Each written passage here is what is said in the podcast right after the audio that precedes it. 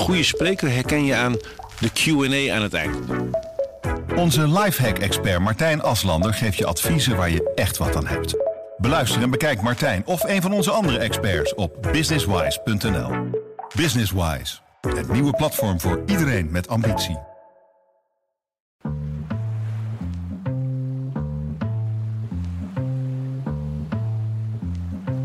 Dus je kreeg eigenlijk al een beetje een conflict tussen de hele ambtelijke organisatie Rijkswaterstaat en de, zeg maar, de pioniers van die Grevelingendam BV, die gewoon eh, ja, iets nieuws wilden ontwikkelen en daarbij niet altijd even goed naar de regeltjes keken. Dus ja, dan ontbrak er wel zijn werkplan. Hoe kon het gebeuren dat er een testcentrum voor getijdenenergie gebouwd zou worden in de Grevelingendam? Dat we miljoenen euro's verder zijn en er precies niets van terecht is gekomen. Deze week werd bekend dat de bouwer van het centrum failliet is. Daarmee is de miljoenensubsidie definitief in het water gevallen. Ernst-Jan Roosendaal volgt de kwestie al jaren en legt het uit. Dit is de PZC deze week. Mijn naam is Noortje de Kroo. Ernst-Jan, als ik het goed begrijp, kan ik nu langs de Gevelingendam fietsen en dan zie ik daar alleen maar water. Wat ligt er verborgen onder het oppervlak? Ja, dat klopt. Er is een, uh, een punt, daar is de Vlakese spuisluis. Dat is een doorlaat, maar die zit onder in de Grevelingendam. Dus in principe zie je dat ook niet. Uh, die wordt gebruikt om met uh, Oosterscheldewater de Grevelingen te verversen omdat er te weinig zuurstof zit in het water van de Grevelingen. En als je een doorlaat hebt, dan betekent dus dat je het getij binnenlaat, eb en vloed. En het idee was, uh, dan gaan we die doorlaat gebruiken voor een testcentrum voor getijdenenergie. Daar kunnen dan uh, fabrikanten uit binnen- en buitenland kunnen hun turbines die ze aan het ontwikkelen zijn, kunnen ze daar testen. Die hangen ze daar in een, uh, in een stroomgoot. En dan kunnen ze zien, werkt het zoals we willen? We kunnen het water inregelen, sneller of minder snel. En uh, het handige ervan is uh, dat je dat dus niet midden op zee doet, maar dat je met je vrachtwagen, uh, bij wijze van spreken, naast die goot parkeert. Je takelt je turbine erin en je kunt alles vanaf de kant monitoren. Dus ideaal. Nou, dat testcentrum zou al lang in gebruik moeten zijn. Maar dat is in 2019 is de bouw daarvan stilgelegd. Toen waren ze druk bezig met uh, een uh, betonnen vloer en damwanden. Uiteindelijk is de initiatiefnemer is er niet in geslaagd om voldoende geld bij elkaar te krijgen om het testcentrum af te bouwen. En toen is besloten om het testcentrum gedeeltelijk weer af te breken. Dus de betonvloer die ligt er nog, maar de damwanden zijn gesloopt. Waarom is dat besloten omdat die Vlakese spuisluis, die de boel daar ververst, stil lag tijdens de bouw. En Rijkswaterstaat wilde van ja, we moeten dat verse water van de Oosterschelde moeten weer in de Greveling hebben. We blijven niet eindeloos wachten. Dus de boel is daar afgebroken, of deels afgebroken. Het water stroomt er weer overheen. Dus je ziet er inderdaad niks van. En uh, ja, er ligt eigenlijk ook een denkbeeldige uh, schatkist waar uh, ja, meer dan 5 miljoen overheidssubsidie in zit. Want dat is in dat project gestoken. En daar hebben we vooralsnog niks voor teruggekregen. Ja, dat is in de notendop inderdaad wat er, wat er allemaal is, uh, is gebeurd. Helemaal terug naar het begin. Er was dus een idee van, er is een spuisluis, daar gaat water heen en weer. Dus dat kun je gebruiken voor getijdenenergie. Want hoe werkt dat precies? Nou ja, het, gaat eigenlijk nog iets groter. Hè? Zeeland is een waterland. Er wordt overal gekeken naar wat is de beste vorm van duurzame energie. Dus er is uh, veel ingezet op uh, zonne-energie en op windparken. Die beginnen min of meer zelfs rendabel te worden. Maar dan is er nog een vorm van energie en dat is getijdenenergie. En de voorstanders daarvan zeggen van eigenlijk is dat de betrouwbaarste vorm van duurzame energie. Want als het niet waait, staat je windmolen stil. Eh, als het bewolkt is, dan krijg je onvoldoende zon op je zonnepanelen. Maar eb en vloed is het elke dag twee keer. Ja. Dus je weet gewoon precies hoeveel water er ergens in of uitstroomt. Nou is Zeeland niet het meest ideale gebied om uh, getijdenstroom te winnen, omdat het getij hier niet heel erg hoog is. In Frankrijk heb je punten waar het uh, getijverschil wel 8 meter is. Uh, hier is dat beperkter. En Zeeland heeft wel een ander heel groot voordeel, de deltawerken. Dus overal liggen dammen in het water. Op het moment dat je een doorlaat hebt in zo'n dam, of als je bijvoorbeeld de Oosterscheldekering hebt waar permanent water doorheen stroomt, dan kun je die bouwwerken dus gebruiken om een getijdenturbine aan vast te maken. Het bouwwerk is er al, dus dat scheelt je heel veel ontwikkelkosten. Maar je kunt met name ook heel goed testen of je uh, turbine werkt. Je hebt allerlei soorten turbines, zeg maar soort omgekeerde windmolens die in het water hangen. Of meer van die uh, dingen waar de wieken van binnen zitten, dat er een grote uh, ja, soort locomotief in het water hangt of zo. Dus je hebt allerlei types. Het idee was eigenlijk dat Zeeland het ideale testgebied zou zijn voor windturbines. Oké, dus dat snap ik. Weet je, de, de situatie is ideaal. We willen graag weten hoe kunnen we zoveel mogelijk groene energie opwekken. Waarom is het dan zo misgegaan? Nou ja, dan komen er dus een paar ontwikkelaars met een uh, op zich uh, prachtig idee. Die zeggen van laten we een testcentrum ontwikkelen. Want overal in de wereld zijn fabrikanten in de weer met getijdenenergie. Die zijn hun turbines aan het ontwikkelen.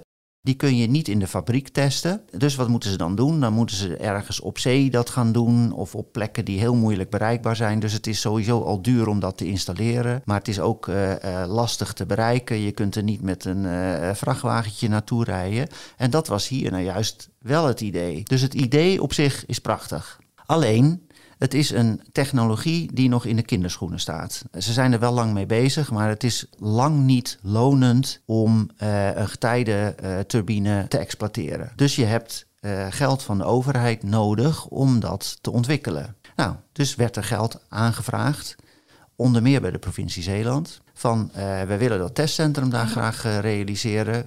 De helft subsidie, zeg maar, de helft commercieel geld dan gaat het lukken. Aangevraagd door wie? Nou, dat is aangevraagd door uh, TTC Grevelingendam. TTC staat voor Tidal Technology Center. En de BV onder die naam heeft subsidie aangevraagd. Dat hebben ze eigenlijk voornamelijk gedaan uh, bij het Rijk. Daar hebben ze ook geld van gekregen.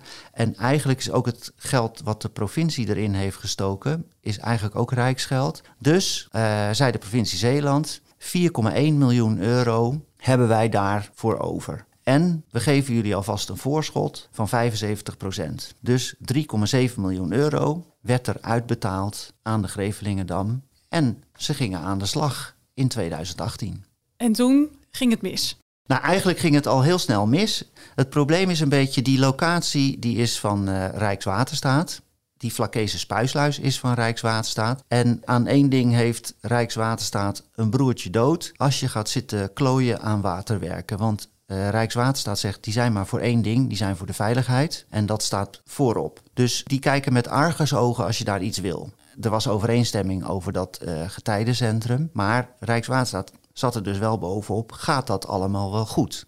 Nou, ze waren nog niet uh, begonnen met werken. En dan is ook nog wel van belang dat je weet dat je alleen buiten het stormseizoen aan uh, zo'n primaire waterkering mag werken. Dus je kunt van april tot oktober kun je eraan werken. Dus ze waren in april begonnen, april 2018 waren ze uh, begonnen aan dat project. En dat moest eigenlijk in oktober voor het grootste gedeelte af zijn. Dan was nog niet het hele testcentrum af, maar zeg maar alles wat je onder water moest doen, was af. Daarvoor hadden ze een grote uh, damwanden geslagen, uh, leeggepompt en konden ze betonvloer storten en weer speciale damwanden voor die stroomgoten konden ze daar ontwikkelen.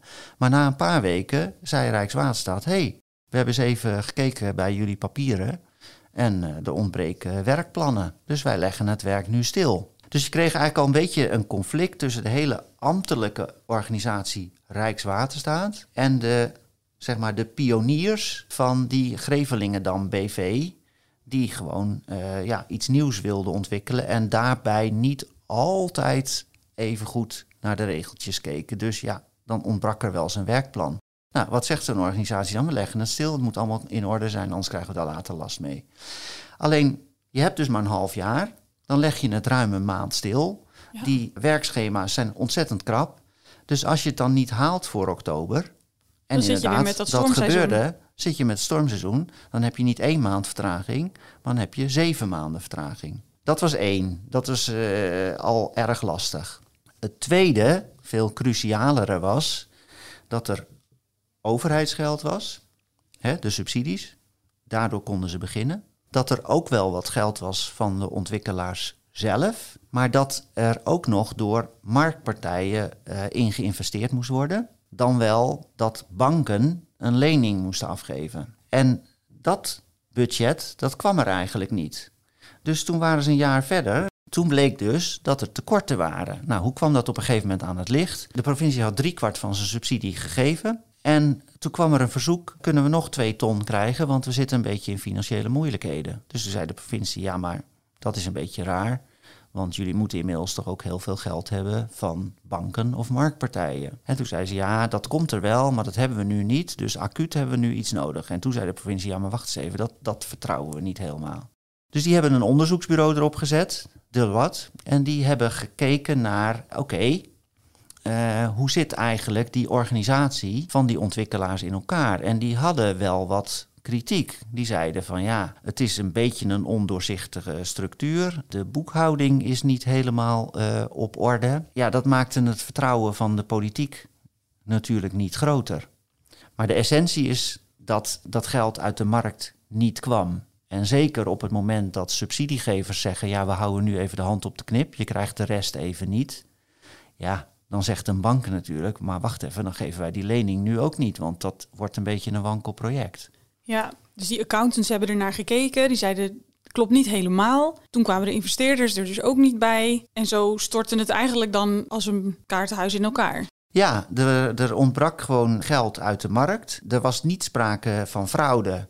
Maar er was wel veel kritiek toch op hoe het georganiseerd was. Banken hadden er daardoor geen uh, vertrouwen in. Zo kwam de rekening niet rond en zo konden ze het project niet afbouwen. Dus uh, dat project lag veel langer stil dan de bedoeling was. Dan kun je zeggen van, nou ja, oké, dan neem je toch de tijd. Hè? Je hebt er al heel veel geld in geïnvesteerd. Dan neem je toch de tijd om dat uh, voor elkaar te krijgen. Nou, die tijd hebben de ontwikkelaars ook best wel gekregen. Maar die was toch krap. Want wat gebeurde er al die tijd dat het niet werd afgebouwd? Die Vlakese spuisluis lag stil. Dus dat schone Oosterscheldewater, wat hard nodig is om de grevelingen uh, een beetje schoon te krijgen, uh, zuurstof in de grevelingen te krijgen, ja, dat stroomde al die tijd de grevelingen niet in.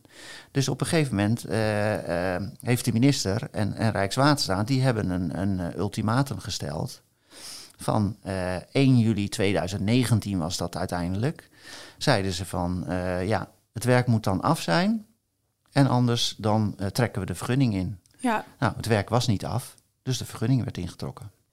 Ik vraag me dan toch af, als zeg maar, zou je dat nou niet van tevoren hebben zien aankomen? Achteraf is het natuurlijk makkelijk praten, maar je zou denken dat je weet dat die grevelingen dat, dat water nodig hebben. Dus dat er een bepaald aantal jaar, zeg maar, maximum aan gewerkt kan worden. Ja, nou, maar het was ook helemaal niet de bedoeling om er een bepaald aantal jaar aan te werken. Uh, eigenlijk moest het meeste werk in een half jaar al voor elkaar zijn. Uh, en dan zou de spuisluis bijvoorbeeld weer in gebruik genomen kunnen worden. Dan is misschien je testcentrum nog niet helemaal af. Maar dan ben je niet meer zo ingrijpend bezig dat je daar niet kan spuien. Dat spuien gaat natuurlijk toch onder die dam uh, door. Terwijl een deel van het testcentrum wordt uh, zeg maar boven de grond gebouwd. Dat hoeft elkaar niet te bijten. Het ging er eigenlijk meer om dat die eerste periode waarbij de spuisluis niet gebruikt kon worden, dat die veel langer ging duren. En sterker nog, op een gegeven moment lag dat zelfs uh, stil. Ja, en toen heeft Rijkswaterstaat gezegd van dat vinden we onacceptabel. Het spuien moet gewoon weer uh, beginnen. Ja, dat was in 2018 toch al. Hè? Dus eigenlijk had het in 2018 ook al af moeten zijn. Eigenlijk wel, eigenlijk wel. En in 2020 kwamen die berichten van de projectontwikkelaar krijgt de financiering niet rond. Eigenlijk waren de berichten al eerder. Alleen ze bleven voortdurend kijken van is er misschien iemand die het wil overnemen? Krijgen we het misschien toch nog ergens vandaan? In ieder geval toen werd steeds duidelijker, nee inderdaad, ze krijgen het niet rond. En nu, 2022, nu is bekend dat er een definitief faillissement is. Ja, er is natuurlijk nog lang gesteggeld over uh, geld. Hè? Dus die, die BV-TTC Grevelingendam, die bestond nog uh, gewoon. Had eigenlijk wel schulden. Want bijvoorbeeld uh, het Rijk zei van wij willen uh, onze innovatiesubsidie terug hebben. En ook eh, de provincie Zeeland zei: wij willen ons eh, subsidiegeld ook terug hebben. Nou, het Rijk kreeg voor een bepaald innovatiebudget van 2,6 uh, miljoen, kregen ze eigenlijk ongelijk van een college van beroep, waar uh, Grevelingedam eigenlijk protesteerde van wij kunnen dat geld niet teruggeven, omdat die oordeelde van kijk, het is innovatiegeld en je weet als je gaat, iets gaat ontwikkelen, weet je van tevoren niet zeker of het lukt. Maar als je het wel hebt uitgegeven aan zeg maar je uitvinding, dan heb je het goed besteed, hoef je het ook niet terug te betalen. Dus die 2,6 miljoen, die hoefden ze niet terug te betalen. En ze hadden ook bij de provincie protesten aangeboden, of aangetekend tegen uh, het feit dat ze daar 3,7 miljoen terug moesten betalen. Stel je voor dat ze snel genoeg daar gelijk in hadden gekregen, dan had je nog steeds een flink gat in de begroting misschien, maar dan hoeft zo'n onderneming niet onderuit uh, te gaan. Maar goed, dat uh, is in ieder geval niet snel genoeg uh, gebeurd. Want over de, het geld van de provincie loopt nog steeds een, een, procedure. En ja, ik geloof dat vorig jaar in de PZC de directeur van de BV, Menno Broers, al aangaf van jongens, allerlei subsidiegevers willen het geld terug hebben. Maar we hebben het gewoon niet. Nee. Ja, dan weet je dat dat uh, onvermijdelijk een faillissement gaat worden. Ja. Het is uh, een, een, een erg voor de hand liggende woordspeling. En we hebben hem natuurlijk al een paar keer in uh, de krant gebruikt. Maar inderdaad, daar is een miljoenensubsidie letterlijk en figuurlijk in het water gegooid. Dit was de PZC deze week. Alle verhalen over het testcentrum Getijdenenergie lees je via pzc.nl. Wij zijn er volgende week weer. Tot dan!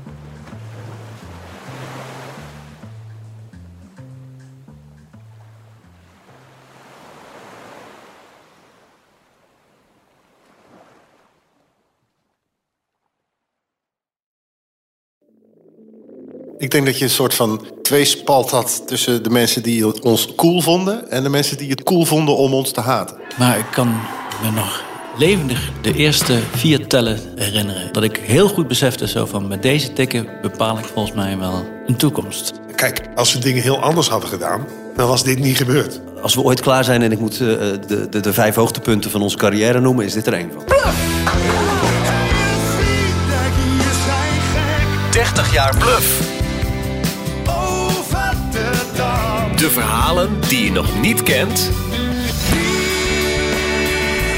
Aan de hand van 10 songs. Dit is de podcast 30 jaar bluff. Waaraan we verdwijnen. Met Peter, Bas, Norman en Pascal. Nu in elke podcast-app. Mensen luisteren niet naar wat je zegt, maar kopiëren wat je doet. Onze vitaliteitsexpert Martin Hersman helpt je te focussen op wat echt belangrijk is. Beluister en bekijk Martin of een van onze andere experts op businesswise.nl. Businesswise, het nieuwe platform voor iedereen met ambitie.